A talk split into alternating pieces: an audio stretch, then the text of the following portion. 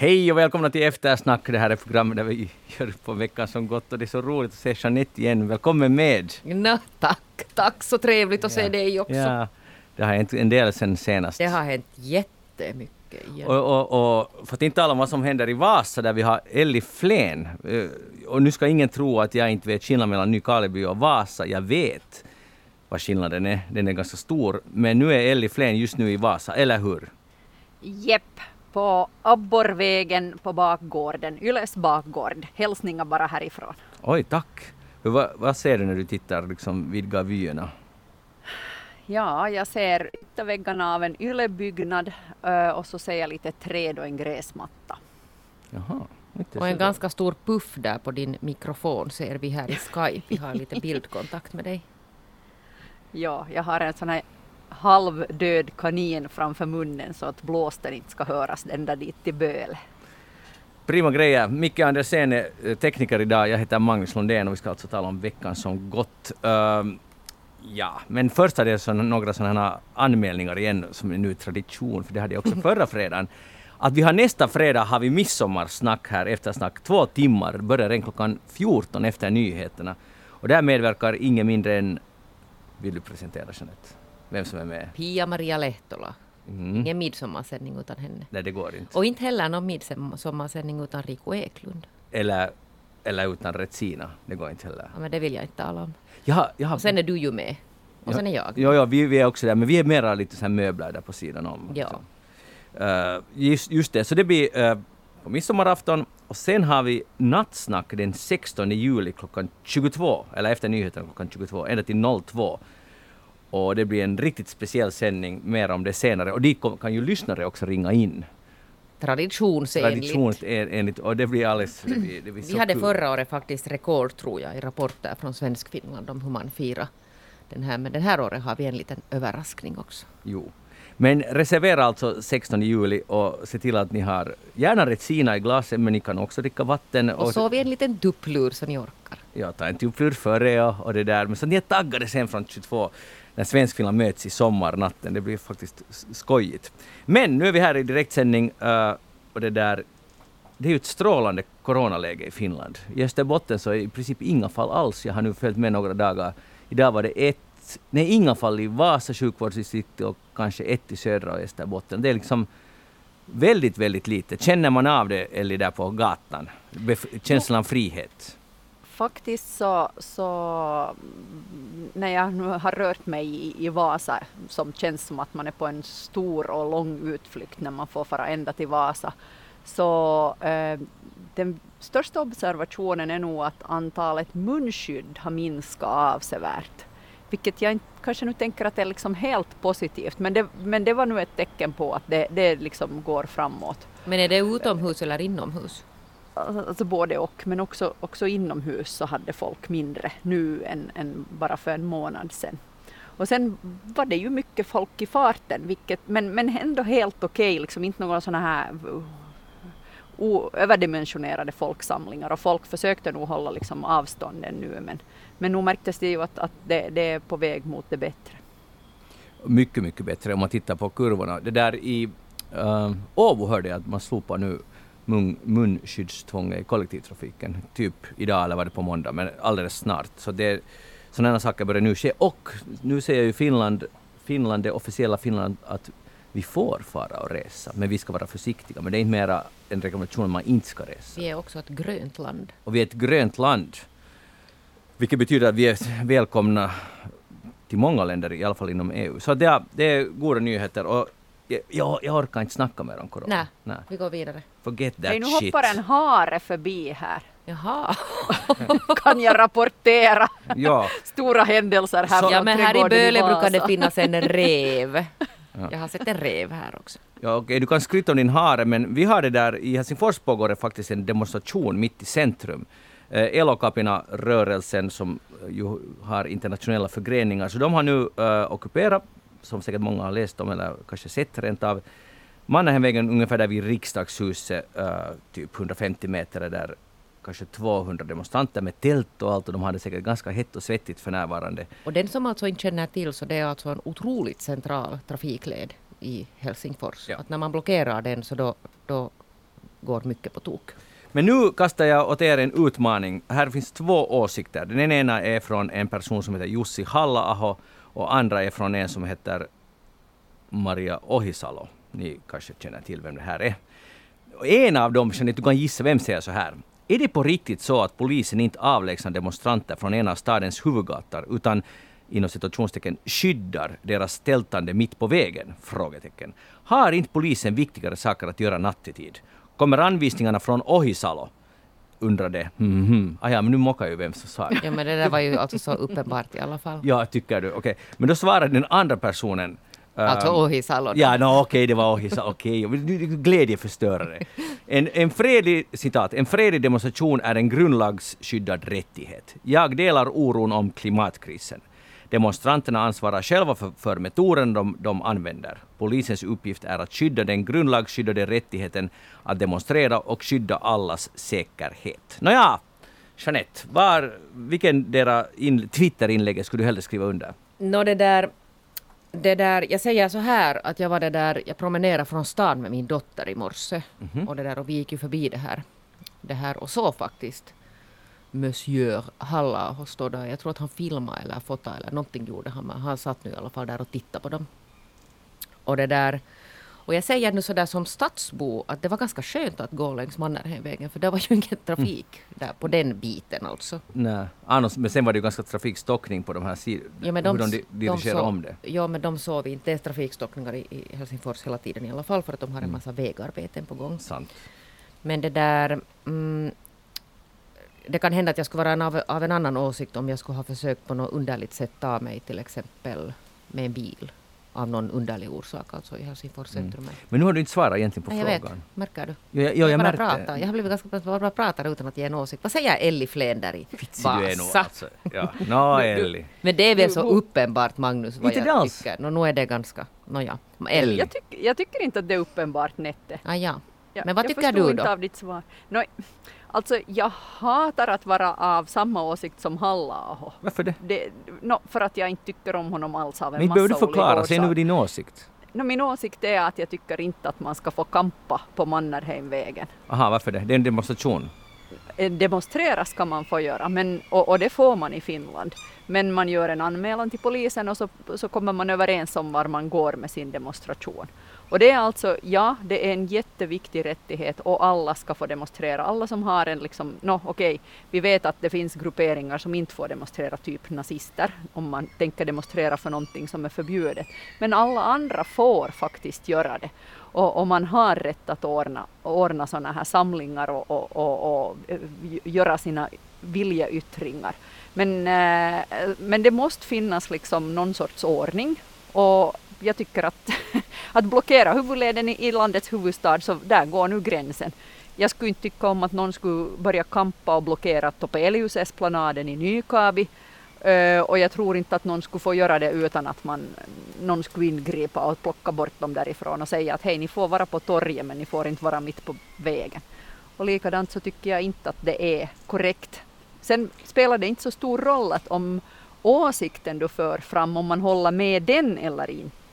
Det är mm. liksom inte det som är grejen här nu, utan att du måste liksom följa vissa spelregler i samhället. Och för det, det samhälle vars spelregler vi alla ska följa, så är också det samhälle som, som ger dig den här rätten att säga din åsikt i vårt fria land. Och vad tycker Magnus Lundén? Ja, jag kan gärna säga, jag kan säga min åsikt i motsats till dig då. Alltså, jag, det, som vanligt är det, är det ju, när man läser de här båda inläggen så tycker jag att de är båda lite patetiska faktiskt. För att de väljer bägge två en, liksom, som de vet att deras väljare är av samma åsikt, för att dölja, eh, gömma sig lite bakom ord. För att frågan är lite mer komplicerad än sådär. Men ändå om jag nu skulle måste skriva under någon del så skulle, jag skriva under Ohisalos. Men att men hon bortser helt från förstås bekymmer och besvär. Men å andra sidan om man tänker på frågan och hur lite bekymmer det egentligen kanske ändå är. Om, det, om vi nu säger att det ska vara ett dygn, och nu, nu har de ju hot om att vara mycket längre tid. Men nu klarar en storstad också av det. Jag åkte själv av och an till stan idag och spårvagnen åkte runt. Och mycket civiliserat var allting ordnat och det var sådana betongklossar så att ingen ska få för sig att köra in i de här tältbyarna och sådana här saker. Och Sebastian Tynkkynen har varit där i morse och, och, och det där haft, sin, och haft sin uh, megafon och väckt dem klockan 4.30 och de har sen svarat med sina rop. Och, och det är en lite så här show, uh, i alla fall till en viss del, men sen det var ett sånt plakat som de hade som jag tycker man kan ändå diskutera. Där stod uh, Vi är här på jobb också för din framtid. Och det där, så om man tänker att, att om man accepterar, eller eh, vilket de flesta ju ändå gör, att klimatkrisen är ett faktum. Och, och nu försöker de, den här gruppen, säkert mest unga människor, väcka oss. Att hallå, att, att gör någonting, vi alla måste göra någonting. Så då blir det, känns, känns det plötsligt ganska legitimt. Att, att, för det är inte så jättefarligt. Alltså, men jag tycker att man behöver gå på övervarv för att eh, huvudleden i vår fina huvudstad är blockerad några dagar. Jag, jag, kan inte, jag kan inte gå igång på det. Jag gick inte heller igång på att Torvgänget kom och blockerade. De blockerar väl också med sina och jag tycker att det, jag tycker att det på ett sätt är ganska fräscht. Om vi tänker, hur, mm, vi tänker på någon Paris, där det är ständigt demonstrationer och folk är jätteupprörda hela tiden över allt möjligt. Här är det ganska beskedligt ändå i vårt land. Att jag skulle inte gå så igång varken på torven eller på det här, utan det är ganska fint att folk har åsikter. Så det är ju jättefredligt. Både torvgänget och det här gänget är super, åtminstone har jag inte sett någon våld. Nej, men, men Magnus, får jag bara fråga ja, nu att, att Torvgänget hade ju liksom ett tillstånd att att demonstrera. Och de, de har liksom gått ut med vilka tider de tänker köra där, om jag nu inte liksom är helt ja. felinformerad. Och sen, sen far de därifrån när de är klara. Medan det här gänget nu då har liksom bosatt sig där, alltså kampar på Mannerheimvägen och, och ingen riktigt kan lita på att de nu tänker fara bort därifrån mm. någon gång. Själv går de ut med, jag läste liksom på Yles hemsidor att de, de säger att de ska vara så länge de orkar. Det där och sen alltså den här man frågar mm. varför ingriper inte polisen nu men vi kommer ju alla ihåg att det här samma gäng alltså ockuperar en gata i Kaisaniemi i Helsingfors, också en ganska, eller in, jättetrafikerad gata. Och den alltså tillställningen slutar ju med tårgas och ganska hård kritik mot polisens metoder så jag tror att de är otroligt ja. försiktiga nu att göra någonting här. Jo, de är plötsligt su supermjukis, polisen. Och vilket är också är intressant att, att, uh, att, för det är ju många poliser som är i alla fall undersöks för brott i, i samband med den där förra demonstrationen, så nu är de ju extra försiktiga. Men, men eller ja, nej, de har ju gjort, gett en sån här vag eh, inlämning eller ansökan om demonstration. De har berättat att de tänker göra det, men jättevagt och hur länge har väl inte riktigt framgått och inte heller exakt var. Men sådär, på ett plan har de, tycker de själva i alla fall, har de meddelat. Men samtidigt, tyck, mm, jag kan inte vara så superupprörd ändå. För de, skadar ju inte på det sättet någon. Det kostar samhället ganska mycket förstås att polisen måste vara där på jobb och, och det finns massa sådana saker. Så det, det är med, jag håller helt med om det, är inte alls svartvitt. Och därför blir jag sur på både uh, Ohisalo och, och, och Halla som talar i svartvita termer. För det här är inte alls... Nej, det, det, det måste man ju säga att det är ju inte så att hela Helsingfors poliskår är där på plats. Nej, de är inte där. Nej. nej, nej. nej. Uh, eller, men tycker du att finns det någon mm, sak som där man får gå över gränsen? Eller är allt, ska allt vara enligt, fullt enligt principer för dig? Nej, no, det där blev ju nu lite svartvitt då. Ja, ja, det, det är Magnus, dagens men jag, melodi. Men jag, jag, tycker att vi, vi bor i ett fritt samhälle där vi har rätt att demonstrera. Och det finns liksom, det är ordnat för oss. Vi, vi har jättemånga olika sätt att uttrycka våra åsikter fritt. Och, och, i motsats och i skillnad till flera andra länder så har vi faktiskt en hel verktygsback med sätt att göra det på. Så, så därför tycker jag att man behöver inte liksom, måste man då gå över de där gränserna. Uh, Okej, okay, jag förstår att man gör det för att få den där uppmärksamheten, men jag tycker inte om det, för att imorgon så är det kanske liksom något uh, stadskatternas befrielsefront ja, som där är kan ute. jag vara med. Ja, precis. Då tycker du att det är jättebra. Och så är det Torvgänget och så är det kanske pälsfarmarna nästa gång. Alla tycker att det är viktigt för dem. Och vi har rätt att tycka att olika saker är viktiga.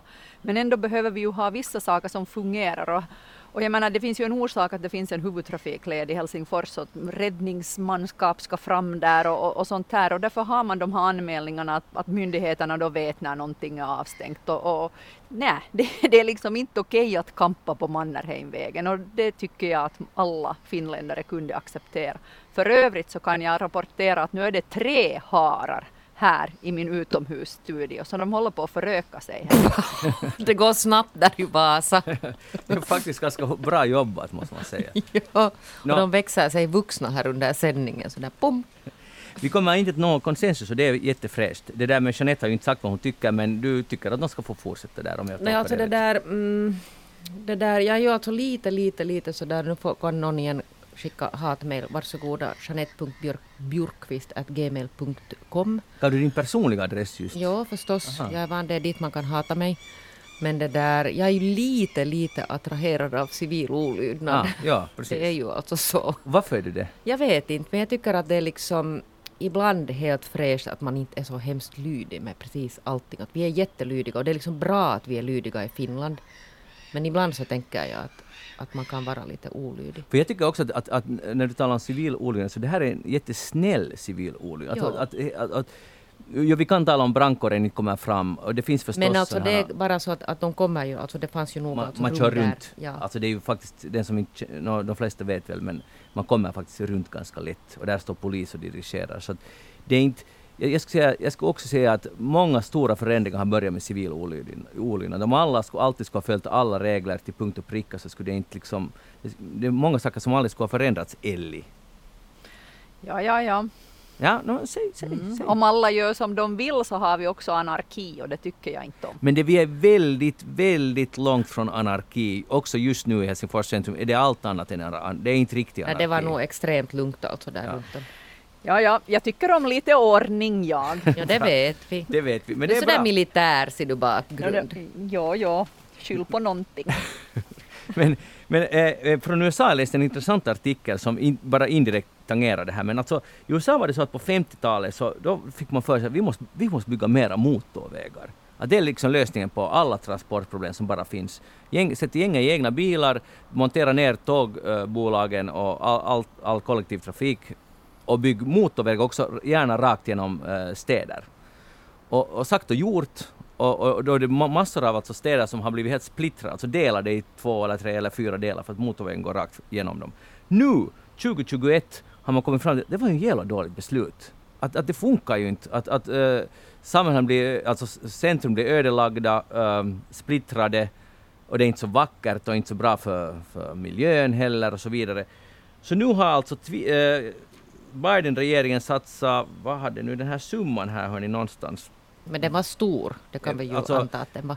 massa, massa miljarder. Här, så 20 miljarder på att nu ska vi bygga igen de här motorvägarna. Vi ska liksom sammankoppla de här centrum, centrum i många olika städer igen och ta bort motorvägarna. Och då bara, när jag läste det här tänkte jag att det var säkert någon som protesterade då, men helt tydligt inte tillräckligt, utan det fanns någon sorts ekonomiskt intresse och säkert också samhälleligt intresse. Och sen tar det 60 år, och nej, det här, eller 70, och det här var inte så bra. Och därför att beslut, och jag tänker bara på det här att, att beslut som man fattar, felaktiga beslut blir väldigt dyra på många olika sätt. Och, och, så när vi idag fattar beslut så måste vi se till att vi fattar kloka och smarta beslut. För att just sånt här, tänk på det här, alla som har varit i, ett, i en amerikansk stad i ett centrum på kvällen vet hur horribelt det har blivit. Där bor inga människor mera. Uh, och jag vet inte om det nu bara är motorvägarnas fel, men i alla fall. Så eh, uh, sådana saker, Elli, får det dig att tänka på någonting? Nej. Jag tänker nu att beslut måste ju fattas med den information som man har tillgänglig nu. Mm. Och, och om man liksom nervöst tänker att ja, men vi kanske tänker annorlunda om 60 år, så då, då blir ju inget gjort. Och det är klart att man måste liksom se, och man har ju blivit bättre på att se ko- konsekvenser framåt, men samtidigt måste man ju, man måste ju fatta de beslut vi kan och klarar av att fatta idag. Och, och, och beslutsfattare får så lov att göra det bästa de kan med den Mm. information de har idag. Och sen måste man ju revidera då, då om man inser att världen har gått framåt och saker och ting har förändrats, det har kommit nya innovationer, man har insett att det här funkar inte så bra. Så då, då ändrar man efteråt. Så, inte blir ju världen någonsin färdig. Nej, nej, och jag håller nog absolut med om det där. Jag bara tänker för att jag tror att för många europeer var det helt uppenbart att det där var fel beslut. Att bygga så där Mm. mycket motorvägar genom städer. Att det fanns ju nog säkert, nu fanns ju den kunskapen, men det fanns andra intressen som var starkare. Men det om det. Hej, jag var ju på, ehm, på i Köpenhamn på Finland-Danmark i helgen, förra helgen och, och det där, som de flesta vet om var det en ganska dramatisk kväll. Och jag skulle bara vilja berätta lite om det. Berätta. Ja. Ja, Du var gärna. där. Jag var där ja. Och vi for då dit med mina två söner, mina yngre söner, uh, de är inte så unga mera i och för sig, 19 och 14. Och alltså det var ju bra stämning där och det var ju superspännande och, och så hände då det här och vi satt precis liksom rakt ovanför där vad det hände, var Eriksson liksom kollapsade. Man såg direkt att, att, att någonting är jättekonstigt nu. Och, och, och så började ju, som ni såg, de som har sett matchen så såg ju hur läkarna springer fram eller och det blir liksom hjärtpumpning och vad det heter. Och, och det var bara mm, en jättekonstig känsla att man sitter 16 000 människor och tittar på en människas dödskamp. Alltså så här som en gladiator liksom. Uh, att det, var, det var väldigt skrämmande och jättekonstigt. Alltså så fullkomligt overkligt att, att från den där fotbollseuforin plötsligt är man där och det är så, och, man, och vi trodde ju att, att han dör. Att det, jag, jag, jag gav det för mig själv inte någon chans att han skulle överleva. Jag vet inte varför jag var så negativ, men för det såg så allvarligt och, ut och jag tänkte att det är omöjligt, det är nu någonting som har hänt. Men ja, sen så uh, bars han ju bort och, och, och sen började det som, som jag nog aldrig kommer att glömma, de här det var tyst, helt tyst i stadion. Folk liksom visste inte vad de skulle göra. Alla bara satt och tittade på sina skärmar eller bara var tysta och så vidare. Och sen började den här finska hejaklacken där i ena kortsidan ropar den här Christian i sån här takt. De har, de har ju sån här mm, megafon helt som Tynkkynen, men här att här användes det i väldigt positivt syfte. Och startade de här Christian-ropen och så svara. Det tog ett par gånger förrän resten av publiken uh, skulle fatta vad de skulle svara, alltså Eriksen. Och den här totala tystnaden mellan de ropar Christian och så svarar alla Eriksen och så var det tyst igen kanske fem sekunder så kommer det Christian Eriksen svara. Och alltså jag har aldrig upplevt eh, folkmassans positiva kraft någonsin så där starkt. För att man, man har ju varit om man hejar på ett lag och alla kan ropa tillsammans. Det kan också vara, det har alltid, alltid varit både skrämmande och mäktigt. Jag har varit på Dortmunds matcher till exempel när 80 000 människor ropar. Och det är lite skrämmande. För det är liksom, men här var det inte alls skrämmande utan det var, det var vackert. Det var liksom, man- man började i princip att lipa när man kände den här gemenskapen där inne i stadion. Det var helt otroligt. Och all cred till finska fansen som jag inte alltid, den här klubben, jag har också varit medlem där, jag är inte numera tror jag, att de gjorde det här. Att det var så stora poäng och det kommer all, finska och danska fotbollsfans kommer alltid att vara polare efter det här. Uh, hatten av och hatten av åt, åt danskarna också som svarade och som förstod att det här är liksom en gemensam sak på något sätt. Uh, ja, att, egentligen vad jag ville säga var att, att tänka att det var ju mest män då på plats, men mm, förstås en del kvinnor, men att den här manliga mörka rösten, kollektivets kraft kan användas till något sådär som blev så vackert och så liksom sam, förde, samman alla Det var ju någon slags sån här solidarisk, alltså extremt solidarisk Ja. gest. Det alltså, alltså jag får helt gåshud nu när jag tänker på det, hur fint och vackert det var. Och sen blev det ju, sen kom, det, kom de, sa de i högtalaren att först var det att matchen är, upp, är suspended och en del stack därifrån, de flesta satt kvar, vi satt också. Sen började, sen började folk gå efter bärs.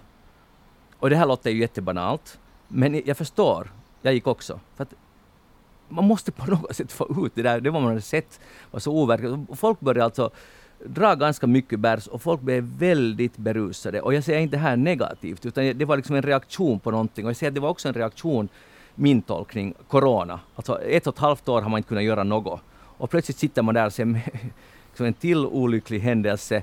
Och sen, men sen kommer det goda nyheter att han är vaken, han är stabil. Det var då folk började köpa öl. Och folk blev så förbannat berusade. Men igen, jag menar inte det här som dissande, utan det var, det var en sån där dammen brast mig på ett helt annan, liksom, ett annat forum och, och det blev så mycket glädje, så mycket liksom kärlek och, och danskarna gick omkring och kramade Finland. Vi, vi fick massa danskar som kom och liksom hängde sig över oss och, och var helt älska Finland, älska oss, vi älskar dem. Och sen Finland gör mål, ingen dansk är sur, matchen är slut, det bara fortsätter i samma liksom stämning. Folk är ganska påverkade, väldigt påverkade, men alla bara går omkring och kramar varandra och jublar och vi ses i finalen och, och allt. Att, att, sport är ju stort, men jag hade inte riktigt aning om att det kan bli så här stort. Och det var inte sportens förtjänst, men det var sportfansens förtjänst att det blev så stort. Så det, det var helt oförglömligt, men, men att det där hyllning till både danska och framförallt de finska fansen som löste det på det här sättet. Väldigt fint. Hur upplevde ni det? Ja, och thank God alltså att det slutade sen ändå lyckligt. Ja. Nu hade ju kommit alltså det där mer information om att han ska få den här the pacemaker Ja, inopererad. Jag tänker att hans karriär är nog säkert slut nu här med det här då. Den han spelar väl inte ja. elitfotboll med, med det där. pacemaker, nej. Nej, det gör man inte. Eller Men här, ja. jag tror att om jag nu inte alltså det där... Men här visar man nog inte, eller så du Ellie, att man, att man visar det här när de skanderar den här den här Christian Eriksen för att, för att här körde man ju sen alltså, de var ju helt eh, på något sätt tagna de här sportreferatorna Mm. eh, i finsk TV. Helt ställda alltså, ingen visste ju någonting. Och det kom ju inte alltså egentligen ut någon information heller om att vad är det som händer. Jag började googla, sen började jag texta åt dig alltså där när jag visste, men jag tror att ni hade mera information än, än det där vi hade. Och sen kom det ju alltså i rubrikerna det här med, med den här solidaritetsyttringen på något sätt som var helt alltså otroligt fin. ja. Ellie, såg du på matchen? No, faktiskt så, det, det hände ju lite någonting annat här i helgen också. Det var ett litet kommunalval. Det var ju faktiskt det. Ja. Ofta som jag sitter på en eh, lokal, eh, jag är ordförande i en valnämnd i Nykarleby, så var jag och ställde till alltså vallokalen då på lördag kväll.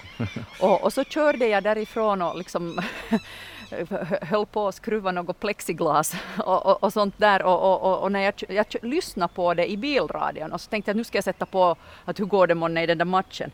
Och så, så hade det här då alltså just hänt.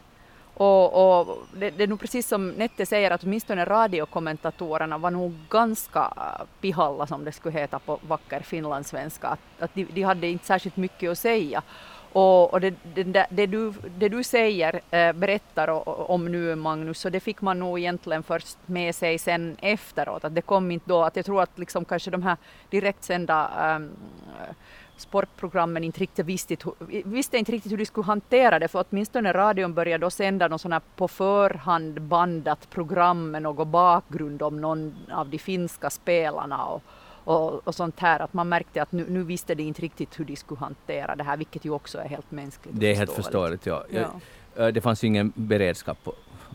Och det kanske borde finnas, nu, från och med nu kanske det finns, att man måste liksom kunna tackla, men jag, jag förstår nog att, för vad ska man säga? Det, jag vet inte.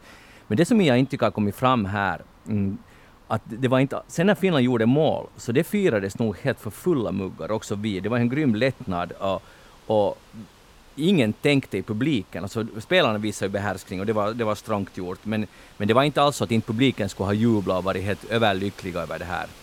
Uh, Det blåser lite där i Vasa om det, ni undrar vad det är det som blåser susar. lite här i Vasa nu fast jag har kaninen för, för mikrofonen. Eller så är det jag ber hemskt mycket om ut, ursäkt. Jag tar fånga en hare Ja. och då använder den åt... Men- Alltså, ska inte vi säga åt lyssnarna att jag måste sitta utomhus på grund av Yles coronarestriktioner. Det är därför vi har lite vind, vind i seglen Det här. blå vind i seglen, det var just precis vad vi har. Men eh, ja, jag ville alltså att det var, det var alltså full glädje där och danskarna tog inte illa upp utan de var liksom var helt, de var helt med på det här. De förstod att det här är fotboll. Eriksson är, han är inte frisk men han är i alla fall inte död. Så, så det var det som också var så magiskt där. Men, Ja, och det var väl så att den där, för det, det blev ju sen den här diskussionen att, att borde man ha skjutit upp den här matchen. mm, Men det var väl så att han hade själv alltså sen på något sätt signalerat att, att spela slutmatchen nu. För de var ju inte kanske det där, det, det måste man väl vara överens om att det här danska laget var kanske inte helt så där psykologiskt i bästa skick alltså sen. Nej, det var de inte och, och det där nickning, nicken skulle knappast ha gått in i en Schmeichel i, i normal kondis. Men vad ska man göra? Jag kan ha li, faktiskt lite förståelse för, för Uefa också, för att det, turneringens eh, schema skulle ha rubbats och det kommer man att tänka sig att en människas liv är viktigare, men han han, hans läge var ju stabilt, så jag vet inte vad som ska vara rätt beslut, men jag kan förstå att danska spelarna kände sig väldigt pressade, för de fick ju alternativet att inte spela matchen, ge walkover, spela den nästa dag klockan 12, eller fortsätta nu. Inga, inga det här är något bra och det var så att det kom ju alltså, de fick det här svaret av honom. Ja, Att det var inte så att, alltså det var ju liksom, och tack vare det att han sa att hej, ja, spela, så gick de tillbaka på planen. ja. Men alltså, se- sen alltså efteråt när alla de här danska krogarna var helt proppfulla av folk, av folk som var bara lyckliga. Det var den här lättan och jag, lätt, lättnaden. Jag tror igen att jag såg, det jag tror att jag såg var en sån här europeisk coronadammen brast. Allt i ett ögonblick som kul- kulmin- kulminerade i Christian Eriksens dödskamp men sen, sen som ledde till att folk kunde fira fast de har förlorat matchen fast Eriksson är sjuk. Så var det bara, alltså det var helt, det var helt magiskt. Det var, det var alldeles otroligt. Men, men okej, det, det, och det, och det, det som gör det, när, när jag, min bild av Danmark har blivit mycket negativare de senaste åren. Jag har läst lite danska tidningar och man har ju sett vad de har för uh, inställning till allt möjligt som, som jag har svårt att... Det här gamla klassiska liberala Danmark har, verkar ha försvunnit. Så jag hade lite sådär, lite så här bister min när jag trädde över gränsen till Danmark. Men jag så, det intressanta var att man såg ingenting av det här. Men ser man det nej, där? Nej, jag vet, man ser inte det. Men jag var, och sen läste jag den klassiska danska, danska tidningen Information och här är det ju mycket här, bland annat om, om deras förbud mot tiggeri. Att, att nu för tiden i Danmark får man två veckor fängelse om man tigger på gatan. Och här är alltså case där de har slängt någon rumänsk kvinna i fängelse för att hon tiggde, eller sålde en tidning, det var, men det var där tiggande hon blev då. Och då, då är det en helt annan bild av Danmark. Och, och, men man kunde lura sig lätt i att alla dam, danskar är jätteöppensinnade och glada. Och uh, ja, det var den Det är de ju också. Det är de alltså. också. Jag vet, men här det här sossarna Men jag kan säga att... Där Tänk om vi har gått så långt att, att socialdemokratin förbjuder tiggeri. Jag alltså vet. vad skulle sossarna för hundra år sedan ha sagt om det? Mm. Och det diskuterar vi ju alltså Ja. konstant alltså både i Sverige och Finland. Men jag skulle säga det att det där, där i Danmark, i Köpenhamn, tror jag inte att de skulle vara särskilt upprörda över den här lilla, den här lilla demonstrationen på en gata. För där är de väl lite så där också civil olydnads så här. Ja, no, det är nog så. Men hej, vi går vidare. Om, om ni har kommentarer till det här så får ni gärna e-posta oss på eftersnacksnabelayle.fi eller gå in på facebook.com snedstreck eftersnack. Du ville inte säga sen att det gick inte så bra för Ryssland. Det ska vi inte bli och älta i. För Ryssland? Nej, alltså för Finland mot Ryssland. Nej, alltså Finland spelar... Nej, vi går vidare. Jag tycker, men vi får ju bara säga Ja. att, att man ska älska vårt finska lag, men inte var de ju hemskt bra, speciellt den sista kvarten. Och, och, och den där sista passningen, det var... Och Jani Lyski var superbra på Svenska Yle, han ärligt kommenterade det här. Och det, så ska man göra. Och jag håller helt med. Han, han gav ganska frän och helt berättigad kritik. Och jag hoppas att de reser sig på måndag. Nåja, Jeanette, vad har du tänkt på den här veckan? Nu hörde jag det där råkade läsa på, på svenska Yle hade gjort en intervju med den här Östnylands gåva till världen, det vill säga Mikael Crawford. Också alltså Yle-anställd men framförallt alltså tolkis gåva till universum skulle man faktiskt Ja. kunna säga. Han har gett ut en ny bok. Han har skrivit sådana här, sådana här ganska, hur ska man säga? Eh, Säg nu bara. Sådana här liksom inhorrealisten, vad ska man säga, sådana här liksom äckligt realistiska, kanske lite till och med rent av överdrivna böcker om det här östnyländska folket. Har du läst den här Dansande ryssen? Uh, alltså, den, vad heter den nyaste nu? Ja, den dansande ja, jag har ryssen. just börjat på den. Bra. Ja. Och jag har jag har alltså- läst hans tidigare också. Ja, jag har inte läst den här, men alltså i alla fall så blev han intervjuad och så sa han någonting som på något sätt liksom...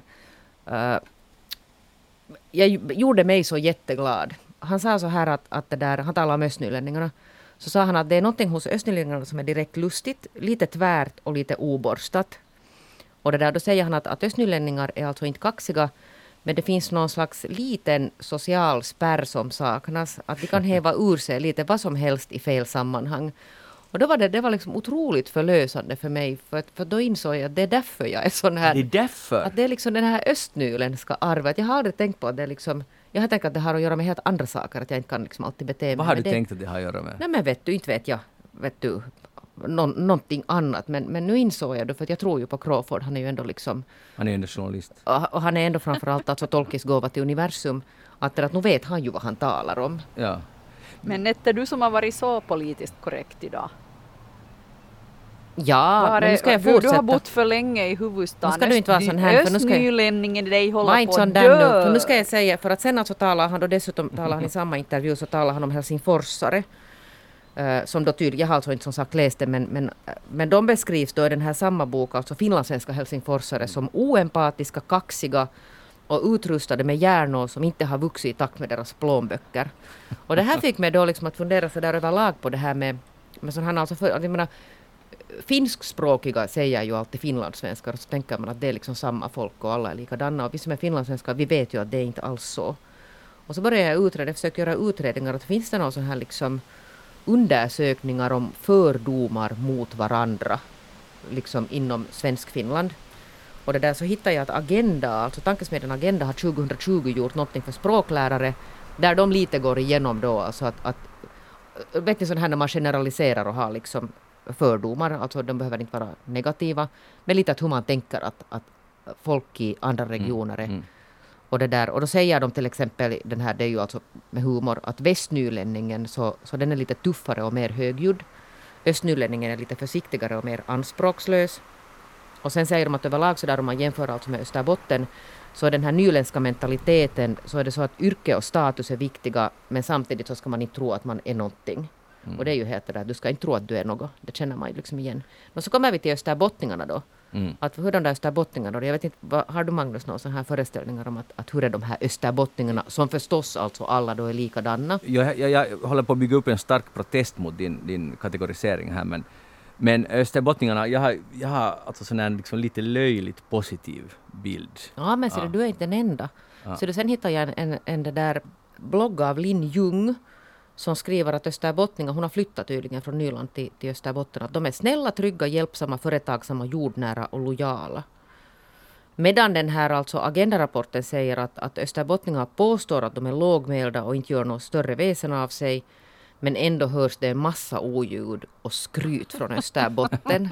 Vitsi, de är nog skryt som Eli, varför är du så Och sen åbolänningarna lär vara ett sånt här lite mystiskt släkte som ägnar sin stora tid, alltså de här åbolänningarna, inte åboborna utan ja. åbolänningarna, till att vänta på färjor. Okej. Okay. Mm, okay. Heltäckande analys, men eh, Elli, varför är ni så där skrytsamma? Eller snälla. Alltså ja. i, i Munsala då, min hembygd, så har vi ju vårt uttryck som är att jag är från Munsala och jag är grömt begåvad. Nå, titta där. Kom det. Och det, ja. jag tycker att det är nu liksom bara en bra devis att leva efter. Det låter ju lite som, eh, men, men jag ser fram emot att få höra Crawfords äh, analys av österbottningarna då, men det, det, det låter ju lite som Zacharias Topelius boken om vårt land, den är ju ganska... Men det där, jag tror inte att han befattar sig nu med österbottningar. I sin bok, han ägnar sig åt östnylänningar. Men Elli, det var bra, för det var just det där jag tänkte ta upp, att det där är ju lite Topelius, vårt land, att han reser åt tavaslänningarna si och så, savoloxarna, och det, det är det är nog ganska svagt argumenterat. Man men alltså så... vi måste väl erkänna att så är det ju att de sitter man ju och har en massa liksom jo, man har, föreställningar men av hurdana de är. Ja. Och sen, sen är det ju in, inte det ju helt fel heller. Jag menar jag är 50 procent tavastlänning från, från finska Päijänne Tavastland och 50 procent Munsalabo. Och när de två släkterna möts på vissa av våra släktkalas så nu är det ju som de skulle komma, de här människorna från olika planeter. Och det är liksom superroligt att sitta och fnissa åt det och titta på det där man vet att, att ah, jag har båda de här bitarna mm. i mig och jag förstår det här men, men de andra förstår inte varandra alls. Sen kan det ju ha att göra med att det kanske är personligheter och det är familjernas olika sätt att vara men, men nu ligger det ju någonting i det och jag tycker det är väl bara roligt. Ja, ingen försvarar ju någonsin helsingforsarna. Utan, om den får man alltid säga just det som du läste upp, uh, uh, vad det nu var om helsingforsarna. De, det var Crawford. Det var Crawford, ja. Och det är ju en rolig kliché. Östnylands moderna Rudeberg. Ja, och det, jag tycker att man måste absolut bjuda på det, och mer än gärna bjuda på det, men det finns ju aldrig någon som säger att nu är inte vi alla helsingforsare sådana, men någon borde säga det. Jag säger det nu att, att det, ju, det, finns ju en ganska brett register också här. No, det finns det Men det är väl det just det som är så skönt med Helsingfors ju. Ja. Jag menar, jag, jag kan ju tycka att, uh, nu har man ju inte fått resa någonstans, men, men jag kan ju ibland tänka när jag kommer på arbetsresa och kommer ut på Mannerheimvägen, så länge den inte är blockerad av några kampare, så, så känner jag att nu kan jag liksom andas fritt. Här är det liksom okej, okay, här är ett betydligt bredare register av olika sorters folk. Mm. Och det är inte liksom att alla känner alla och alla förväntar sig att alla ska vara på ett visst sätt och du är helt dum i huvudet om du har en annan åsikt om en viss sak. Så det kan väl vara en sak som kännetecknar då Helsingfors eller vilken större stad som helst, att det finns faktiskt ett mångfald på riktigt. Mm, jag håller med. Eh, Jeanette, om vi går tillbaka nu till det, nu när du har förklaring på varför du är sån så, som, som du är. Så, som jag har hämtat med mig som en gåva till Helsingfors. Ja, vi är tacksamma. Det här att inte riktigt kunna bete sig. Eller, vi är, eller jag är det tacksam för. Men nu, du, du hörde ju den här bitska kritiken nu från Österbotten, från Vasas, en bakgård i Vasa. Att, att du har blivit så besked, i alla fall i dagens program, tyckte Elli Flen just. Så finns det en risk att när en östnyling, att en östnylänning som flyttar till Töle blir liksom urvattnad? Nej. Aha, det finns inte. Nej, det var ju det var det inte. Jag ser tydligare tecken på att det håller på att ske. Hör Is inte var som den Jag har ju alltså bott mer än halva mitt liv i Helsingfors faktiskt. Ja. Jag for som mycket ung vuxen kom jag hit. Men du är mera östnylänning sån här, no, inte, jag, en, eller Helsingforsbo? No, men det där, jag har ju alltså det här, jag känner igen den här beskrivningen mm. med det här att man inte, att man liksom lite att det, det finns liksom vissa spärrar som inte alltid fungerar. Och, och, ja, men det är, ju, det är ju bra. Alltså jag tycker det är en bra sak. Alltså, Nå. Hellre icke-spärrar än spärrar. Ja, Nu är det ju bättre. ja, Hellre att man inte skäms för någonting än man skäms. ja. Men det är skäms- liksom inte skäms det, utan, nej, men det är inte det liksom, utan det är det där att, att man kan liksom kläcka ur sig. Jag kan liksom tänka mig att det är det vad han menar, att man liksom, vet du, i fel sammanhang så Men det är kommer bra. det blö. Det är bra. Så här grodor som skuttar Eller omkring. är det bra eller dåligt? Bra, bra. Mm. det är lite inte Titta hon är sån övertygad. beskedlig nu, nu vill hon inte. Hon är sån där förnöjsam österbottning, sådär som de är. Ja, företagsam och skrytsamma. Ja, Ja. alltså jag tycker ju om människor som säger sin åsikt. Men, eh, och, och, och jag, har liksom, jag tycker om debatt och jag tycker om att, att äh, jag, jag kan ju ibland provocera fram en debatt bara för att få en debatt. Men då måste du komma ner hit och titta på de här demonstranterna, hörru, där har du en Ja, debatt. ja, ja, precis. Men, men eh, jag, alltså jag hör ju till de som kan bjuda in Jehovas vittnen bara för att få en ordentlig debatt om någonting. Men, eh, men det, allting beror ju på hur man framför det, att man liksom har kvar den där respekten för den där andra också. För min del får man häva ur sig vad man vill, bara man också respekterar att andra gör det. Utmärkt. Elli Flen, vad har du tänkt på den här veckan? Ja, förutom det där lilla kommunalvalet då, som tog väldigt mycket av, av den här veckans tankeverksamhet, så har jag faktiskt tänkt på cybersäkerhet. Menar du Och- cybersäkerhet? Cybersäkerhet. Tack. är det så man ska säga det Jag på korrekt inte. finlandssvenska? Jag tror det. Nå, eller säger man kyber som finnarna säger. Mm. Cyber. No, men hur, hur som helst, i alla fall så är det det jag har tänkt på. För jag vet nu inte om, om liksom någon annan än, än säkerhetspolitiska freaks märkte en stor förändring som skedde här, här i samband med att äh, herrarna Biden och Putin träffades. Men före det så föregicks ju det av ett, att, av ett NATO-toppmöte och det som försvarsalliansen NATO meddelade efter sitt möte och, och, och som är den stora förändringen är att NATO nu meddelar att äh, cyberattacker kan också klassas som äh, attacker som sätter i, igång den här artikel 5, alltså NATOs den här musketörartikeln, en för alla, alla för en. Ehm, och, och det här var ju väldigt intressant. Det här betyder att NATO nu anser att, att en tillräckligt allvarlig cyberattack mot någon av medlemsländerna så kan leda till ett till och med beväpnat försvar från NATO-håll. Och det här var både nytt och stort och då aktualiseras ju osökt det faktum att Finlands eh, cybersäkerhet är på eh, ja, en expert beskrev det i en, en uh, intervju som att det är på en desperat nivå. Alltså läget är desperat, att vi saknar helt enkelt cyberförsvar eh, i Finland. Och, och det här är nog någonting som jag tycker på riktigt att är allvarligt, som borde diskuteras mera. mera. Och, och det är många som har försökt lyfta upp det. Det, det var aktuellt redan när jag jobbade på Försvarsmakten och för, elva, nej, för tio år sedan när jag jobbade på, på försvarsministeriet så pratades det mycket om det här. Men det har liksom inte gått framåt. Vi är fortfarande utan cyberförsvar i Finland. Det betyder alltså att, att vi kan bli, någon kan attackera oss och slå ut vår, säg nu, våra vattenverk eller vårt elsystem eller rundradions hela äh, sändningssystem eller gå in och fiff, slå ut eller gå in och fiffla. Och det finns egentligen inte så där jättemycket Finland kan göra emot det. Vi har inte lagstiftning och vi har inte kapacitet att göra någonting åt det. Det, det, Så, det är intressant ja. att du tar upp det för att jag har också börjat läsa in mig på det där för jag har bara haft en sån vag känsla av att, av att det går mot det sämre och att hoten kommer att växa och nu har det ju på något sätt fått lite uppmärksamhet. Jag läste att, att i Irland så sl- slogs sjukvårdssystemet ut för det var sådana här hackare som sen kräver de en lösesumma för att sätta igång allt och det betyder att eh, jag vet inte om det var hela Irland, men i alla fall var det så att de, de måste gå tillbaka till papper och penna. Alla patientjournaler, allt, ingenting funkar. Och, och de var helt att att det här kommer att bli mycket mer. Så var det exempel från eh, var det Kalifornien i USA när något motsvarande hade hänt.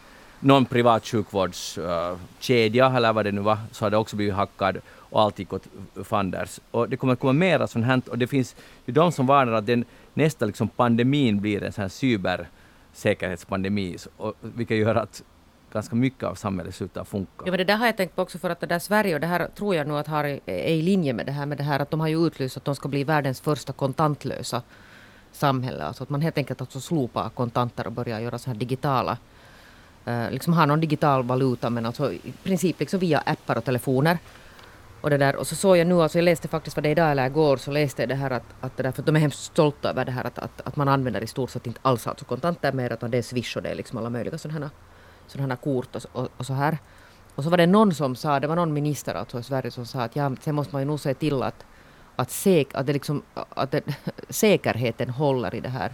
Mm. Säger hon alltså nu, när man alltså i princip har tänkt sig att man är kon, liksom utan kontanter i slutet av det här året. Det är ganska Så det är ju liksom dags ja. nog nu att börja tänka på att vad finns det för säkerhetsrisker att man inte har alltså på riktigt pengar mera. Men, ja. Och, och sen, I den här veckan kom det ju också fram att när vi har talat om uh, oidentifierade rymdfarkoster, eller okända, man vet inte vad det är, så idag så har den här rapporten som vi har talat om, där USA har getts till åtminstone vissa utvalda senatorer och kongressledamöter, och de hade, en av dem, en republikan, hade sagt direkt efteråt att, att det här hotet, alltså det hotar vår nationella säkerhet redan, och hade påstått att tack vare de här oidentifierade uh, farkosterna så på något konstigt sätt så påstod han att det har satt USAs kärnvapenarsenal liksom, i online, jag vet inte sen vad det nu egentligen betyder, och något annat lands i offline, att det har kunnat liksom manipuleras. Ja, men det här är ju helt sensationella nyheter om det här stämmer. Och det bara läckte ut, så det var bara en one-liner i någon intervju. Och jag vet inte, som sagt, men jag anar lite att när vi nu äntligen klarar av den här pandemin, så här är nästa saker vi alla ska vara superoroade över. Och jag undrar hur mycket oro vi klarar av. Alltså nu har vi den här cyber och vi har också ufona och vi har också en pandemi.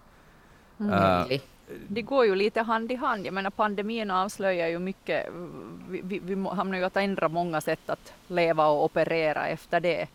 Och, och, det som är lite intressant nu att, att nu har ju liksom säkerhetspolitiska kretsar i, i, senast idag så, så så äh, börja prata om att, att äh, li, lika som man nu liksom det handlar ju inte bara om cyberförsvar utan nu borde vi börja prata om cyberfredsmäkling och, och, och cyber liksom avtal. Vi, Biden lämnar ju sin lista åt Putin med, med, och, och, och tog upp det här men att nu borde vi liksom i internationella organisationer och internationell eh, liksom förhandlingar börja göra upp regler för det här, precis som man i tiden gjorde upp regler för mm. hur man använder kärnvapen. Och, och, och men, men, men, det här finns ju inte nu, men det skulle kanske vara hög tid att börja göra det. Jag tänkte på det där när Biden gav en lista på 16 platser, att hey, de här ska du sen inte jävlas med. Men, men och det, och på ett sätt är det säkert så man ska bete sig med Putin, jag vet inte. Men samtidigt är det också vi, alla de andra instanserna, de var inte på listan. Jag menar, det måste vara ganska hård kamp. Hej, vi vill sen gärna vara med på den här listan sen. Och alla som inte kom med så... Eller det var väl inte platser, det var väl liksom sådana här... Enheter. E, eller sådär liksom helheter, infrastruktur. Ja, men 16 stycken var det. Ja, ja, nu var det säkert någon som med. inte kom med där. Uh, men det blir intressant att se om den här röda linjen, den här listan, om den har någon effekt eller inte. Mm. Uh, ja, men Kanske Men inte ska vi ju vara blåögda i Finland heller. Vi hade Vastaamo-case alldeles nyligen. Alldeles nyligen hade någon hackat in sig i riksdagens UM information. har haft inbrott. UM. Ja. Och, och, allt det här, liksom mycket av det vi har fått reda på det tack vare någon annan, annat lands äh, det här äh, underrättelsetjänster. Det är liksom inte, vi har inte ens klarat av att hitta det själva. Så, så vi ligger nog lite på latsidan här. För, det måste jo. göras någonting.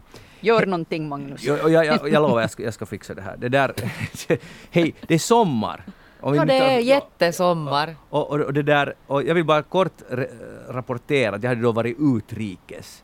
Och känslan när jag steg ombord på Sverigebåten. Alltså det var så, det var så stort. Alltså, ah, jo, du fick ja. åka din kära ja. älskade Sverigebåt. Alltså det är ett och ett halvt år utan, och, men det, var, det kändes som igår. För jag visste precis hur det funkar Det var som att komma hem. Ja, det var som att komma hem. Och sen till tåget i Sverige, där satt man i en kupé, vet ni, det bördiga Skåne rinner förbi en. Det var helt fantastiskt att äntligen vara ute där uh, i stora världen och sen då som sagt till Köpenhamn, sen får vi tillbaka via Lund, pittoresk stad, jag fick se det, och så åkte vi nattåg till Stockholm. Och jag vill bara uppmana alla, nu när också regeringen säger att, att res men var försiktig, att nu är det tid att resa. Alltså om man bara ett, känner sig trygg med det så gör det. För det med tåg? Med tåg förstås, men det gav ganska väldigt mycket. Alltså det var, det var, det var huge. Um, Jeanette, kommer du att resa den här sommaren? Nej, det där, jag ska på en arbetsresa faktiskt helt alldeles snart. Jaha, vart då? till Paris. Till Paris? Till Paris. Vad händer där? Nå, det kan jag inte säga, men det där jag kan säga att jag heter Jeanette och talar inte ett ord franska. Det kan jag säga. Men det, jag åker med en kille som Niklas Meltio som vanligt, som kan lite arabiska och jag tror att det är bra på den resan vi gör. Alltså, men för vem gör du det här? Nå, för den där mm, finska Yles dokumentäravdelning. Okej. Nu har vi får höra mer om det senare. Mm. Uh, Ellie, Eller har får ni? det får vi säkert. Ellie, blir det en ressommar för dig då? Eller inrikes eller utrikes? Jag är ju då trädgårdsfreak och lyckligt lottad eh, med en sjötomt, alltså en, en tomt vid havet. Så jag hör till dem som ogärna far någonstans överhuvudtaget på sommaren utan tycker att det är allra ljuvligast att vara just där på min plätt. Mm. Jag Eh, håller nog med dig, hör du Ellie, att man ska inte resa på sommaren i Finland. Nej, men, men det här, kanske en liten runda med sönerna, i, men i så fall i Finland. Jag far inte utomlands, men det gör jag alltså inte annars heller. Men så fort det blir höst och till höstlovet så, så då skulle jag nog gärna röra på mig om det bara skulle gå. Vi hade planerat före pandemin, hade vi bokat en resa till London för att gå och se på Harry Potter-studiorna. Så det har vi liksom på vår bucket list Men hör i du, vår Elli? familj ännu. Har dina söner varit i Helsingfors? Jo, kom igen nu. Nå, Lite kom, liksom. Ja, kom igen! Kom igen, ja faktiskt. ja, det är inte alls uteslutet. Ja, nej, men att det där är nog sant att finska sommaren, finländska sommaren är nog bäst. Så att, men, men höstlovet eller september för den där utrikesresan är nog kanske det där ultimata konceptet. Här finns hur mycket som helst att se redan i det här landet. Så att, men, men ändå, nu är det ju nu, nu är det nu goda tider som kommer som eh, redan bakom hörnet. Eller egentligen är det här redan. Hej, Jeanette, när du kör bil så är du stö- störd på de här folk som har starka strålkastare. Ja, Ja, no, bland annat dem. jo, jag vet, jag Och vet, många andra. Jo, jag vet, men, jag, jag, vet, men nu, om vi håller oss bara till den här saken. Ja. att, för jag har börjat tänka, att, tänka på det där, jag, jag känner att det är lite så här maktutövande i trafiken när man kommer med en lite högre bil som har väldigt starka... eh, Ja, men det har alltså dessutom någon slags alltså speciallampor som gör att Ja. vissa, alltså när det är mörkt, som är alltså jättestarka. Och nu skulle säkert, tror jag, vår tekniker kunna berätta vad det är för lampor. Jag är inte så insatt. Men det finns alltså några sådana här, är det nog halogenlampor? Vad är det? Eh, Någonting sånt, ja. Jag läste en artikel och för jag har alltid trott att är det på något sätt min syn som har förändrats, vilket den också har gjort, eller, eller är det mitt humör eller någonting. Nej, och de det är är säkert, fakta. Jo, och de är säkert bättre alltså att köra med, alltså man ser bättre och det är ju också bra alltså att man har bra belysning när man kör i mörkret. Men sen när man det där, mm, när det gör att man bländar andra så det är ju inte så nice. Ja, problemet är alltså tydligen att, att de här, många bilar är så höga idag. Om man själv sitter i en lägre bil som jag, och då blir man bländad. För de här lamporna som du sa har blivit mycket bättre. Och för dem är det perfekt, för de ser ett brett fält och långt. Men, men det är inte så bra för, för de andra. Så, så nu funderar de på att det ska bli en sån här automatik i att de slås ner uh, när de märker att det kommer trafik emot. Så det här problemet ska på något Men sätt menar du att de kör alltså på helljus? Nej, nej, jag menar inte helljus, utan det är ju det som är problemet, det är inte ens med helljus. Nej, nej, just det. Man tror att det är helljus, men sen när de tar ner till, alltså, om, om man blinkar åt dem och de blinkar tillbaka så säger man aha, det där var helljus som var mycket, mycket värre. Så uh, Ellie, är du mycket i trafiken? Nå, förr i världen, när man Mm. rörde sig någonstans. Men, men jo, jo nu, nu förstår jag vad ni pratar om. Nu, nu har man ju märkt det där, men nu får vi ju glädja oss åt det att åtminstone här uppe i höga nord så är det så ljusa nätter nu så man behöver inte använda något långljus ens på natten. Nåja. Hej, jag läser Sydsvenskan och jag vill bara att... Åh, sydsvenska från Malmö! Varför börjar du gråta nu? Nu för att jag har jobbat där. Aha, har du jobbat på Sydsvenskan? Jo. Det är nu en merit. Och jag var och hälsade på dig Nette till Jo, Malmö och jag är sant. lyckades få tre parkeringsböter i Malmö Ja, på en Det är dag. sant. Snyggt jobbat. Snyggt jobbat. Men nu för tiden i Malmö, det är, poli, där finns inte, poliserna vågar inte gå in dit. Nej men var inte sån där nu. Det har alltid funnits fördomar mot Malmö. Jag skämtar, Det är men... en härlig stad. Malmö är härligt, och, men det här var inte faktiskt i Malmö. Men här är i alla fall en intressant artikel på, på hur lite så här fräck vissa människor, fräcka vissa människor kan vara. Här är det då en, en artikel om Lomma trädgård. Det där, uh, där en person som heter Jörgen Johansson, han har haft en framgångsrik trädgårdsbusiness i 30 år och sen vill han sälja bolaget. Han orkar inte mer. Han var säkert pensionerad och, och, och den, alla visste hans business och respekterade honom och han hade bra, bra trädgård. Och så sålde han företaget och det där och, och, namn, det fortsatte heta Lomma, Lomma, Lomma trädgård. Men sen bytte den nya ägaren sitt eget namn. Så att han också hette Jörgen Johansson, också samma mellannamn. Va? Vilket betydde att alla trodde att det var samma Jappe som drev bolaget, men de var, de var bluffmakare, de var nya. Och uh, lurade folk på fyrk och gjorde uselt arbete, och alltså, men, men ganska så här fräckt för att det, blev- då, då fick Jörgen Johansson all skuld för att alla trodde det var samma Jörgen Johansson.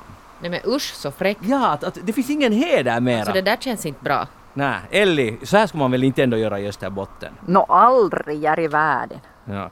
Eh, men, men vi hoppas att så här människor, de, måste, de, de borde ta sig själva i kragen. Ja verkligen alltså. Så in, in, inte, inte sånt här beteende mera. Och Jeanette, det här är sista direktsända eftersnack. Ja, Alltså jag menar inte sista utan sista för, denna säsong. ja, före Före, midsommar. före nattsnack. Ja. Och, och hur, hurdan sommar blir det nu för dig då? Nå, jag ska nu fara på den där jobbresan. Är det allt du tänker göra? När så ska jag skriva lite bok. Och sen lite annat. Och lite semester? Vi ska se. Elli Flen, semester för dig då? Jo, det blir nog sen. Jag ska ligga i hängmattan och, och på stranden och läsa böcker och ha det skönt. Och nu kan jag rapportera att hararna har hoppat iväg. Så Äh, de jag tänkte att de ska vara tio nu alltså. Just det, om, om, alltså, det är ju också känt österbottniskt fenomen att man får barn ganska tidigt och så vidare. Är det, är det inte så Elli? Och många. Och många, ja, ohämmat. Nej, det där gäller bara vissa delar av Österbotten. Är det så? Okej. Hej, eftersnack börjar vara småningom slut för idag, men kom ihåg, nattsnack! och, och nu ska Och vi... midsommarsnack klockan två. Ja, klockan två och, och det där pa, para er flitigt, om, i alla fall om ni är från Österbotten. Jeanette Björkqvist, tack för att du var här, det var väldigt roligt. Elli Flen, tack för att du var med. Ha det skönt! Eh, och det är midsommar, det är en scen, men den, den är snart här, det är bara en vecka kvar och, och Finland kommer att komma till åttondelsfinal, vilket också är härligt. Jag heter Magnus Lundén, vi hörs igen om en vecka. Ha det bra, hej då!